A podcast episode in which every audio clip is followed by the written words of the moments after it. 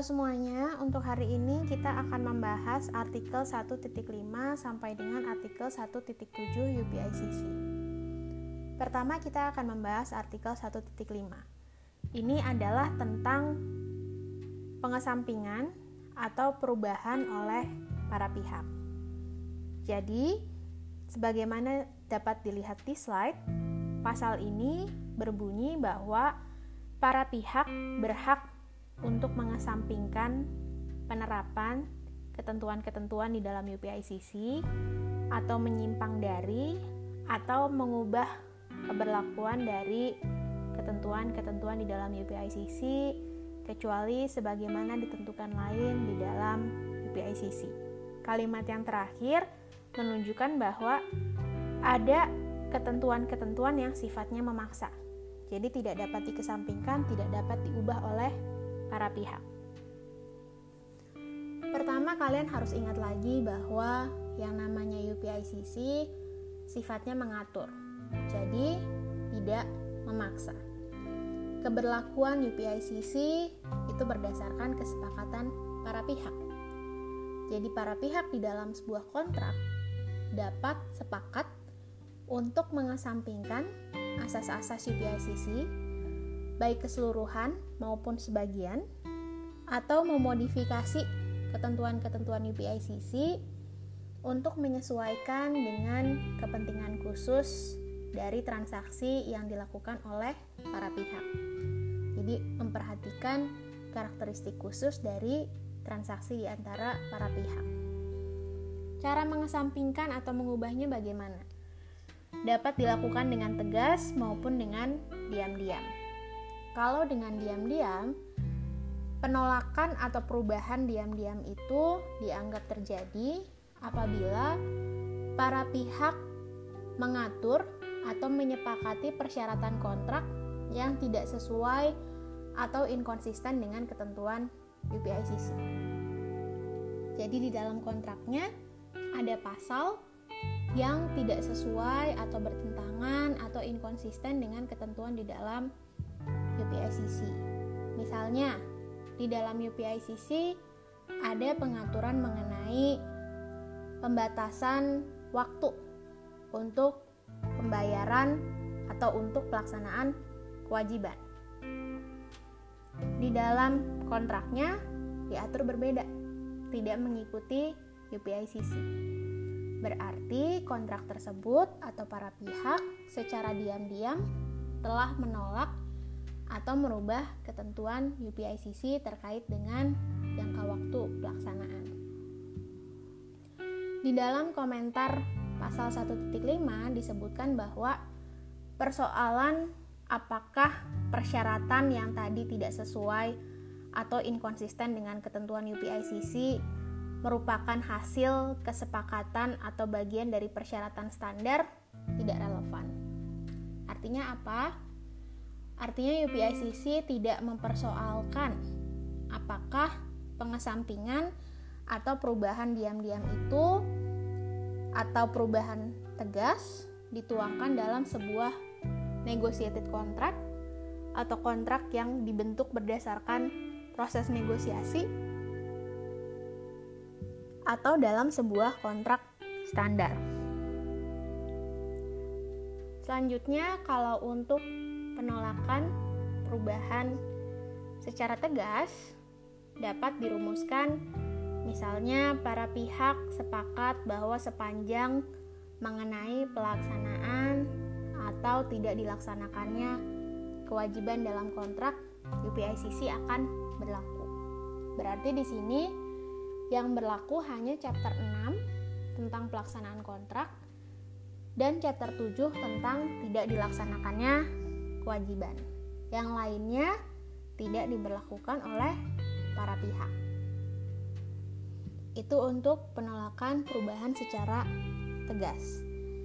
Tapi ingat, tadi di dalam bunyi pasal 1.5 disebutkan kecuali diatur lain di dalam UPICC. Jadi ada aturan-aturan yang sifatnya memaksa. Tidak boleh dikesampingkan, tidak boleh diubah apa saja aturan memaksa di dalam UPICC? Di antaranya adalah asas itikat baik, kemudian asas uh, perilaku yang inkonsisten, kemudian terkait dengan keabsahan kontrak, terutama mengenai kekeliruan dan initial impossibility, dan pasal-pasal lain yang dapat dilihat di slide halaman 6. Itu untuk 1.5 perihal pengesampingan atau perubahan terhadap ketentuan UPICC.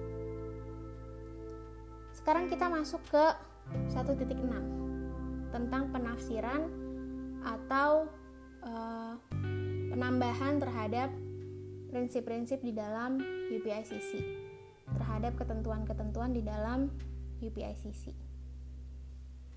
Bunyi pasal 1.6 adalah penafsiran terhadap prinsip-prinsip di dalam UPICC, ketentuan-ketentuan di dalam UPICC itu harus mengutamakan karakter internasional dari UPICC dan tujuan dari pembentukan UPICC, termasuk upaya harmonisasi hukum, upaya untuk menyeragamkan penerapan prinsip-prinsip yang ada di dalam UPICC. Kemudian ayat 2-nya menyebutkan hal-hal yang termasuk di dalam ruang lingkup UPICC tetapi tidak secara tegas atau tersurat diatur di dalam UPICC sejauh mungkin harus diselesaikan sesuai dengan prinsip umum yang mendasari hal-hal tersebut. Jadi maksudnya adalah hal-hal yang termasuk di dalam ruang lingkup UPICC, tapi tidak diatur secara tegas, ketentuannya tidak berbunyi secara spesifik, maka harus ditafsirkan sesuai dengan ketentuan umum atau prinsip-prinsip umum yang mendasari persoalan hukum yang belum diatur di UPICC tersebut. Aturan penafsiran di dalam UPICC itu diatur di dalam pasal 1.6 untuk prinsip-prinsipnya UPICC, untuk ketentuan-ketentuannya UPICC, dan untuk chapter 4 ada juga ketentuan mengenai penafsiran. Tapi chapter 4 ini berbicara mengenai penafsiran terhadap kontrak perdagangan internasional yang dibuat oleh para pihak dan ditundukkan pada UPICC. Jadi kalau kita mau menafsirkan isinya UPICC, ketentuannya UPICC, itu gunakan pasal 1.6. Berikut dengan komentar pasal 1.6 kalau kita mau menafsirkan pasal di dalam sebuah kontrak yang dibuat oleh para pihak, gunakan chapter 4 mengenai penafsiran kontrak. Tapi waktu di awal disebutkan bahwa keberlakuan UPICC itu tergantung pada kesepakatan para pihak. Jadi UPICC sebenarnya bagian dari kontrak juga. Jadi bisa tidak ditafsirkan berdasarkan chapter 4, berdasarkan aturan untuk penafsiran kontrak. Jawabannya tidak bisa. Karena walaupun UPICC itu mengikat berdasarkan kesepakatan, jadi hanya dalam uh, batasan kontrak tersebut, hanya apabila para pihak dalam kontrak tersebut menyepakati tunduk pada UPICC, yang namanya ketentuan UPICC itu tetap aturan hukum umum, prinsip hukum umum. Jadi ketentuan di dalam UPICC itu merupakan satu set ketentuan yang harus ditafsirkan dengan tadi memperhatikan karakter internasionalnya, tujuan dari UPICC yang ingin mencapai harmonisasi hukum, keseragaman dalam penerapan UPICC. Jadi sekali lagi, walaupun UPICC itu berlaku di antara para pihak karena ada kesepakatan, penafsirannya tidak dapat dilakukan dengan aturan-aturan penafsiran untuk kontrak. Contohnya apa sih aturan penafsiran untuk kontrak? Contohnya, kalau ada pasal yang tidak jelas di dalam sebuah kontrak, maka harus diperhatikan terlebih dahulu kehendak para pihak. Contoh lainnya lagi asas kontra preferentum. Bahwa sebuah kontrak itu harus ditafsirkan berdasarkan kepentingan dari pihak yang tidak menyusun atau tidak merancang kontraknya. Itu adalah aturan penafsiran kontrak. Aturan-aturan ini tidak boleh digunakan untuk menafsirkan ketentuan UPICC. Kenapa? Karena tadi sekali lagi ketentuan di dalam UPICC itu adalah prinsip hukum umum yang ditujukan untuk mencapai harmonisasi hukum. Kalau kemudian ditafsirkan berdasarkan kontrak, maka setiap transaksi, setiap kontrak akan dapat ditafsirkan secara berbeda-beda, tergantung tadi misalnya kehendak para pihak. Ini kan jadi menyimpangi tujuan UPICC itu sendiri. Jadi sekali lagi, kalau untuk menafsirkan ketentuan umum UPICC, gunakanlah pasal 1.6, bukan chapter 4.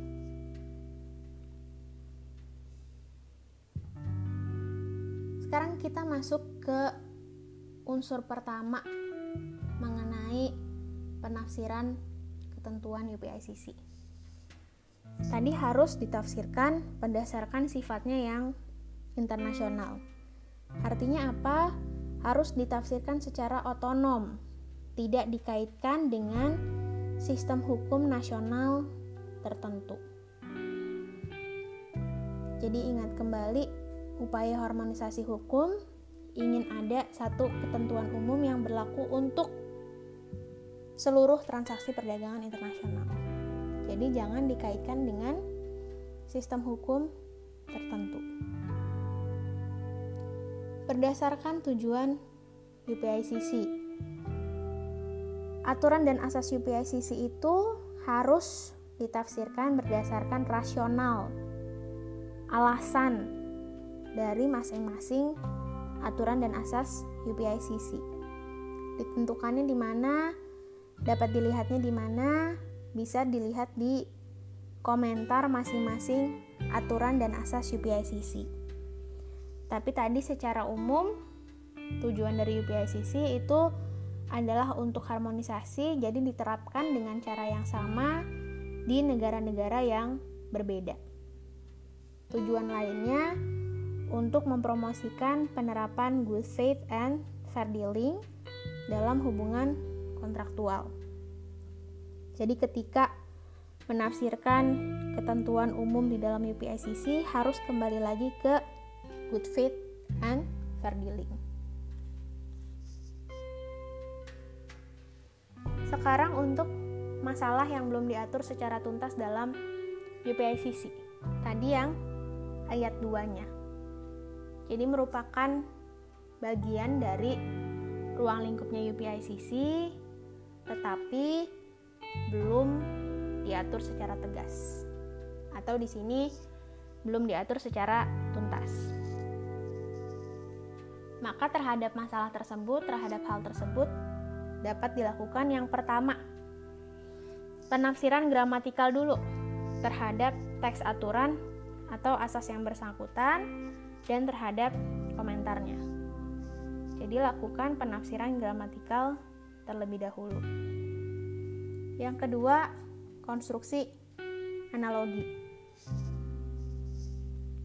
Ada nggak ketentuan lain di dalam UPICC yang dapat dianalogikan untuk menyelesaikan masalah yang sedang dihadapi. Contohnya, di dalam artikel 6.1.6 UPICC diatur mengenai tempat pelaksanaan kontrak. Kalau ada kewajiban pembayaran, maka harus dilakukan di tempat kreditur atau di tempat pihak yang berhak untuk menerima pembayaran. Dengan kata lain, pihak yang mempunyai hak tagih. Kalau untuk pelaksanaan kewajiban selain pembayaran, itu dilaksanakan di tempat pihak yang wajib melakukan pembayaran atau pihak debitur. Ada pertanyaan, kalau restitusi pengembalian ke keadaan semula itu gimana pelaksanaannya? Bagaimana menunjuk tempat pelaksanaan restitusi?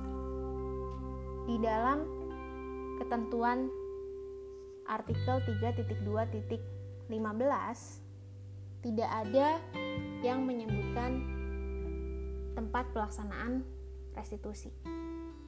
Tapi dengan konstruksi analogi, kita bisa menggunakan artikel 6.1.6 tadi tempat pelaksanaan kontrak untuk menentukan tempat pelaksanaan restitusi. Selanjutnya, penggunaan prinsip umum yang mendasari aturan dan atau asas dalam UPICC. Contohnya menggunakan asas good faith and fair dealing untuk menentukan uh, validitas atau keabsahan kontrak terkait dengan kekeliruan atau mistake. Yang terakhir ini uh, last resort. Jadi kalau yang ketiga tadi tidak dapat digunakan, gramatikal, konstruksi analogi, penggunaan prinsip umum itu tidak dapat digunakan, maka dapat ditafsirkan dengan menggunakan hukum nasional tertentu. Tapi sekali lagi ini last resort dan ada kriterianya. Sekarang kita masuk dulu ke contoh penafsiran gramatikal terhadap teks aturan atau asas yang bersangkutan dan terhadap komentarnya. Di dalam slide 14 dapat dilihat ada kasus antara penjual Rusia dengan pembeli Swedia e, terkait dengan penafsiran terhadap pasal 3.15 UPICC. UPICC-nya 1994 karena terjadinya di sekitar tahun tersebut dan para pihak sepakatnya untuk menggunakan UPICC 1994. Di dalam pasal 3.15 keabsahan kontrak disebutkan bahwa pemberitahuan pembatalan harus diberikan dalam waktu yang wajar dengan memperhatikan keadaan setelah pihak yang uh,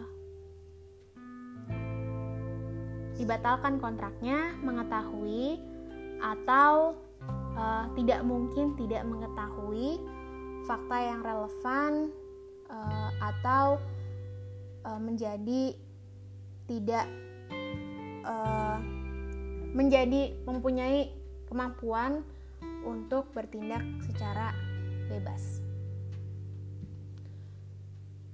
Pasalnya bunyinya membingungkan. Jadi untuk menafsirkan pasal ini digunakanlah komentarnya bahwa pihak yang keliru atau pihak yang tertipu harus memberikan pemberitahuan pembatalan dalam jangka waktu yang wajar setelah si pihak yang ditipu tadi atau pihak yang keliru tadi menjadi mengetahui atau tidak mungkin tidak mengetahui lagi adanya kehilafan atau adanya penipuan. Jadi komentarnya lebih jelas nih di sini. Yang dimaksud avoiding party tadi di pasal 3.15 itu siapa sih? Apakah pihak yang menipu atau pihak yang uh, tertipu? Apakah pihak yang hilaf atau pihak yang menyebabkan kehilafan? Jadi di komentarnya lebih jelas. Itu penafsiran gramatikal.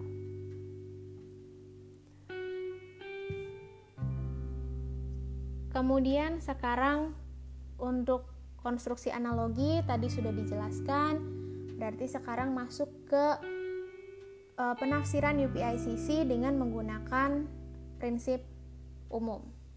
Kasusnya dapat dilihat di halaman 18 slide. Jadi di sini kalau dibaca yang dipertanyakan adalah mengenai daluarsa klaim.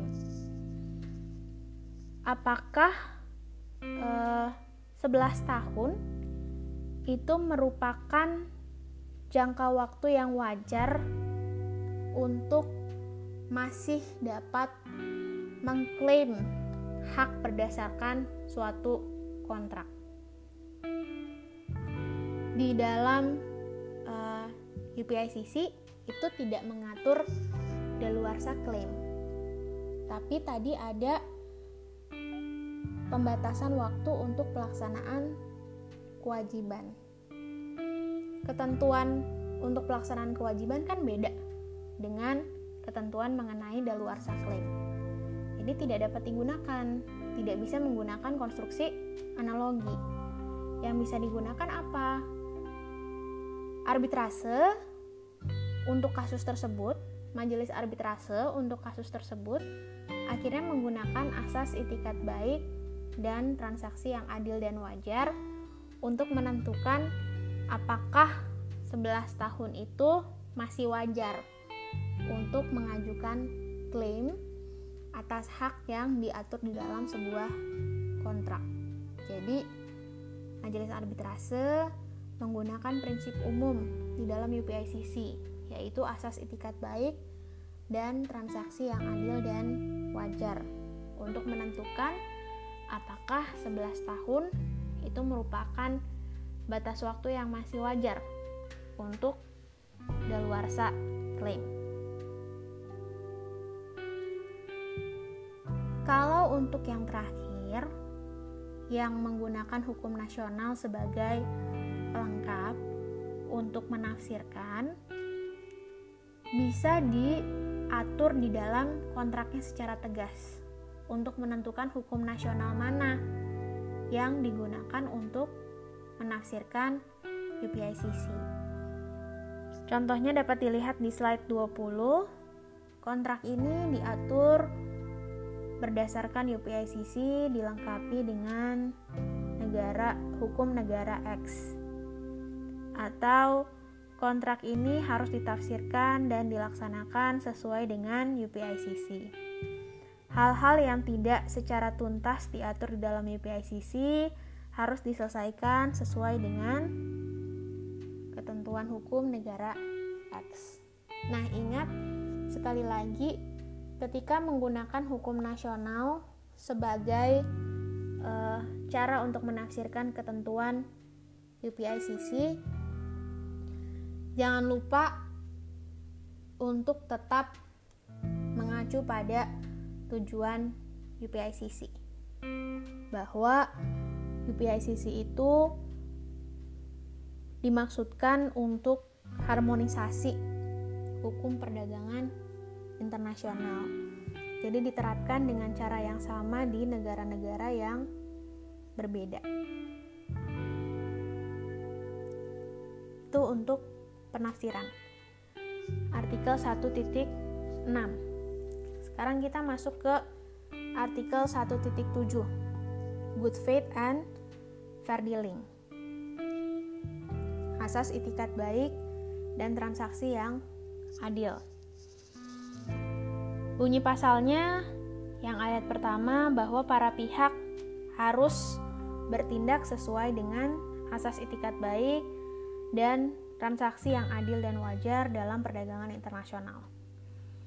Di ayat 2-nya disebutkan sifat memaksa dari asas itikat baik dan transaksi yang adil serta wajar. Para pihak tidak boleh mengesampingkan atau membatasi kewajiban di ayat 1.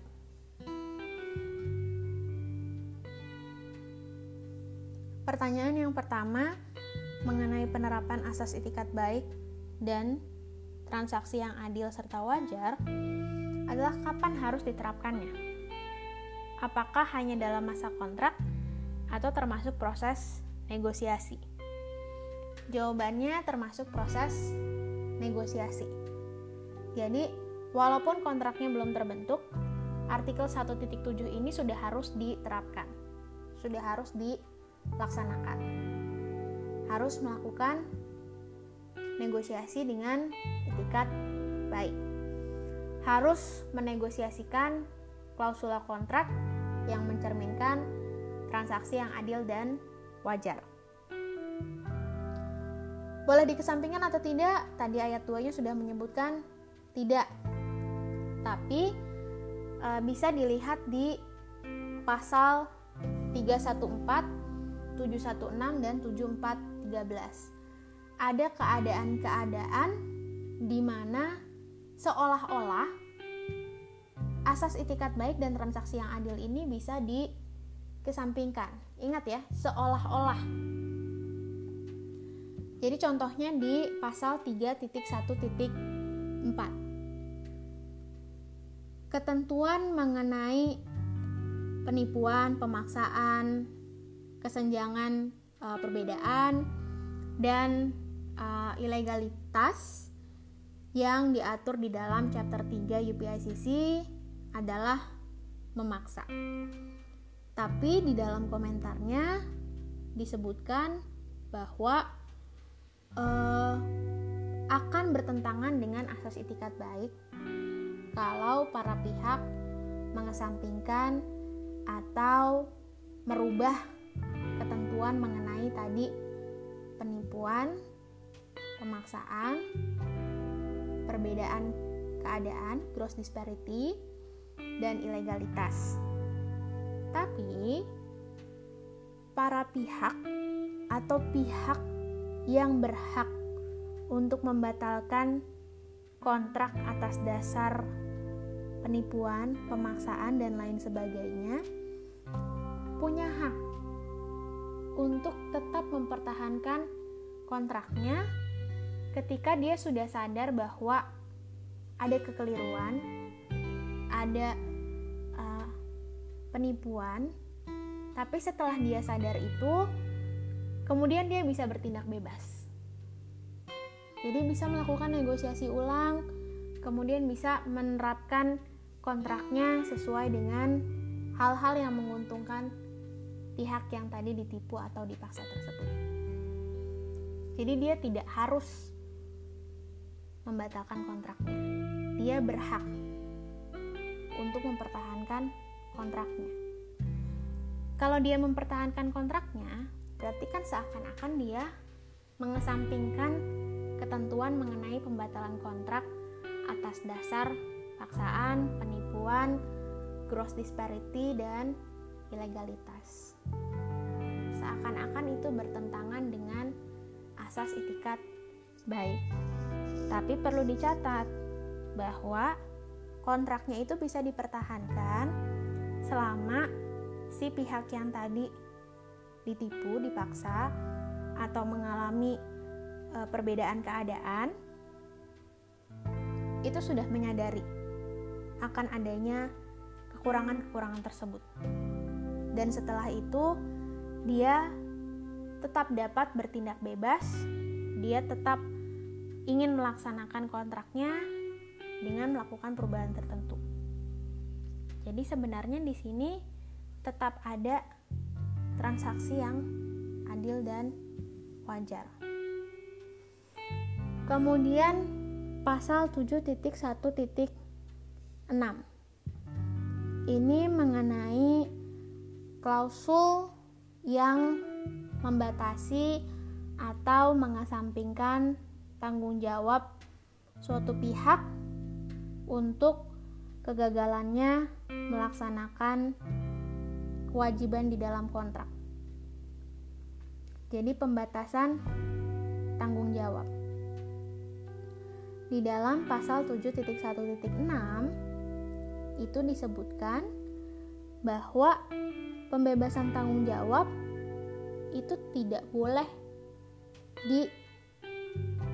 dimintakan atau pengesampingan tanggung jawab itu tidak boleh dimintakan apabila akan secara tidak adil merugikan pihak lainnya. Tapi kemudian ada catatan dengan memperhatikan tujuan dari kontraknya. Jadi sebetulnya pasal 7.1.6 merupakan penerapan asas etikat baik, tidak boleh ada pembatasan tanggung jawab. Tidak boleh ada pengesampingan tanggung jawab. Tapi untuk kontrak-kontrak tertentu perlu dilihat lagi. Contohnya kalau kalian melihat laporan keuangan, di sana akuntannya pasti akan meletakkan e, pembatasan tanggung jawab bahwa laporan yang dibuatnya itu berdasarkan dokumen yang diterima. Jadi kalau ada kesalahan yang tidak diakibatkan oleh kelalaian si akuntan dalam mereview dokumen itu tidak menjadi tanggung jawabnya akuntan sekalipun akuntan itu yang membuat laporan keuangan. Itu pembatasan tanggung jawab bukan? Pembatasan. Tapi boleh nggak? Boleh. Karena justru akan menjadi tidak adil. Kalau akuntan diminta untuk bertanggung jawab untuk sesuatu yang dia sendiri tidak memeriksa. Itu untuk yang 7.1.6. Kemudian untuk yang 7.4.13 itu menyebutkan bahwa di dalam kontrak dapat diatur atau ditentukan jumlah pembayaran apabila ada wan prestasi. Atau bahasa hukum oh, bahasa hukumnya bahasa kontraknya biasanya disebut dengan liquidated damages di kontrak sudah diatur berapa rupiah berapa USD ganti ruginya kalau ada kelalaian dalam pelaksanaan kewajiban. Nah, kalau sudah ditentukan, maka tidak akan lagi dihitung kerugian aktualnya berapa, karena sudah ditentukan di dalam kontrak. Itu bertentangan nggak dengan good faith and fair dealing? Kalau dilihat sekilas, seakan-akan bertentangan. Karena yang dinilai bukan kerugian aktual, melainkan apa yang tertulis dalam kontrak. Kerugian aktualnya bisa lebih besar, bisa lebih kecil. Jadi bisa menjadi tidak adil untuk salah satu pihak. Tapi itu tetap diperbolehkan. Karena apa? Kembali lagi, para pihak sudah sepakat untuk menentukan besarnya ganti rugi apabila ada kelalaian pelaksanaan kewajiban. Jadi seakan-akan dikesampingkan tapi ternyata tidak karena memperhatikan karakteristik dari setiap kontraknya. Dia harus dilihat kasus per kasus.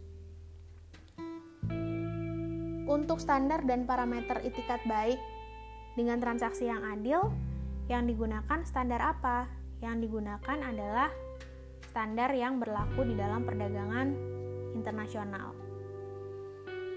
Jadi, uh, standar yang berlaku pada sistem hukum tertentu hanya dapat diterapkan apabila diterima di sistem hukum yang berbeda-beda. Itu untuk standar dan parameternya. Di slide 26 dapat dilihat penerapan asas itikat baik dan transaksi yang adil serta wajar dalam proses pembentukan kontrak. Jadi di sini A mengirimkan penawaran dengan syarat bahwa penerimaan harus dikirimkan 48 jam setelah menerima penawaran. B sebagai pihak yang menerima penawaran dari A ingin mengirimkan konfirmasinya sebelum tenggang waktu berakhir. Tapi ternyata mesin faxnya A mati dan tidak ada mesin penjawab otomatis. Jadi di sini ada indikasi bahwa A tidak beritikat baik karena tidak memastikan bahwa alat komunikasi yang digunakannya beroperasi selama tenggang waktu yang diberikan kepada B. Kecuali di dalam surat penawarannya sudah disebutkan bahwa konfirmasi penerimaan harus dikirimkan melalui email. Jadi ya B untuk mengirimkan penerimaan tidak bisa menggunakan fax, harus menggunakan email. Tapi kalau A tidak menyebutkan apa pun, A mencantumkan nomor faxnya di dalam penawaran tapi A mematikan mesin faxnya, itu dapat dianggap sebagai pelanggaran terhadap asas itikat baik. Untuk ilustrasi kasus dalam pelaksanaan kontrak, ada di slide 27. Ada Bank A memberikan pinjaman ke B. Perjanjiannya berbunyi, pinjaman akan dicairkan secara bertahap. Bank A dapat menuntut percepatan pelunasan hutang. Kemudian, ketika pelaksanaan, ternyata prospek bisnisnya B kurang bagus. Pemberian kredit dihentikan tanpa pemberitahuan apa pun kepada B. Kemudian, B diminta untuk mempercepat pelunasan hutangnya. Jadi sudah diminta untuk melunasi hutang padahal belum jatuh tempo ada itikat baik dan transaksi yang adil dan wajar nggak di sini? Kalau hanya dilihat dari kasus posisi ini, harusnya tidak ada itikat baik dari pihak bank. Karena pemutusan pemberian kredit dan memaksa B untuk mempercepat pelunasan hutang didasarkan pada prospek bisnis B tanpa ada pemeriksaan lebih lanjut. Dan yang terpenting di sini tidak ada pemberitahuan kepada pihak B. Jadi ada itikat buruk. Contoh lain, pelanggaran asas itikat baik dan transaksi yang adil serta wajar adalah penyalahgunaan hak. Jadi, untuk penyalahgunaan hak, definisinya melaksanakan hak untuk merugikan orang lain. Menggunakan hak untuk tujuan yang menyimpang dari tujuan pemberian hak yang bersangkutan. Yang terakhir, pelaksanaan suatu hak yang tidak sepadan dengan hasil yang semula diharapkan. Untuk yang pertama, melaksanakan hak untuk merugikan orang lain Contohnya, yang namanya penyewa itu diberikan hak untuk menikmati rumah yang disewa. Tapi kemudian penyewa membuat keributan sehingga pihak yang menyewakan menerima komplain dari tetangga. Itu kan melaksanakan hak untuk merugikan orang lain. Menggunakan hak untuk tujuan yang menyimpang dari tujuan pemberian hak yang bersangkutan. Misalnya, dalam transaksi pemberian jasa atau supply barang, ada hak untuk memeriksa pembukuan supplier supaya tahu tagihan yang dibuat itu benar. Tetapi kalau kemudian pembeli menggunakan informasi ini untuk mendapatkan harga yang lebih murah dari si supplier di mana dia sedang berkontrak, ini merupakan penyalahgunaan hak. Penggunaan hak untuk tujuan yang uh, berbeda dari yang diberikan. Untuk yang terakhir, pelaksanaan hak yang tidak sepadan dengan hasil yang semula diharapkan, itu contohnya dapat dilihat di slide 30 dan 31. Contohnya, A menyewakan tempat kepada B. Jadi B di sini wajib membayar uang sewa. Ketentuan perjanjian sewa menyewanya antara lain tempat akan digunakan untuk melakukan usaha, jangka waktu sewanya 5 tahun, uang sewanya 15.000 per tahun. B sebagai penyewa, setelah 3 tahun, ternyata usaha yang dilakukannya tidak memberikan keuntungan yang diperkirakan. Jadi dia ingin memutuskan sewa menyewanya. Tadi sewa menyewanya 5 tahun, jadi masih ada sisa waktu 2 tahun. Si A sebagai pihak yang menyewakan meminta B agar membayar uang sewa yang 2 tahun yang belum dilewati. Permintaan uang sewa untuk 2 tahun masa sewa yang belum digunakan itu dapat diasumsikan, dapat dianggap sebagai pelaksanaan hak yang tidak sepadan dengan hasil yang diharapkan. Karena apa? Karena B itu belum menggunakan tempat sewanya. Jadi masa sewanya belum terpakai. Kalau A mengenakan biaya pemutusan kontrak, itu akan menjadi lebih adil bagi B. Biaya pemutusan kontraknya juga harusnya diatur di dalam perjanjian. Setidaknya, misalnya, biaya pemutusan kontrak itu cukup untuk mengcover masa sewa sampai A mendapatkan penyewa yang baru itu akan menjadi lebih adil, menjadi lebih wajar bagi B untuk membayar ganti rugi kepada A daripada A meminta si B untuk membayar penuh uang sewa untuk 2 tahun masa sewa yang belum terlewati.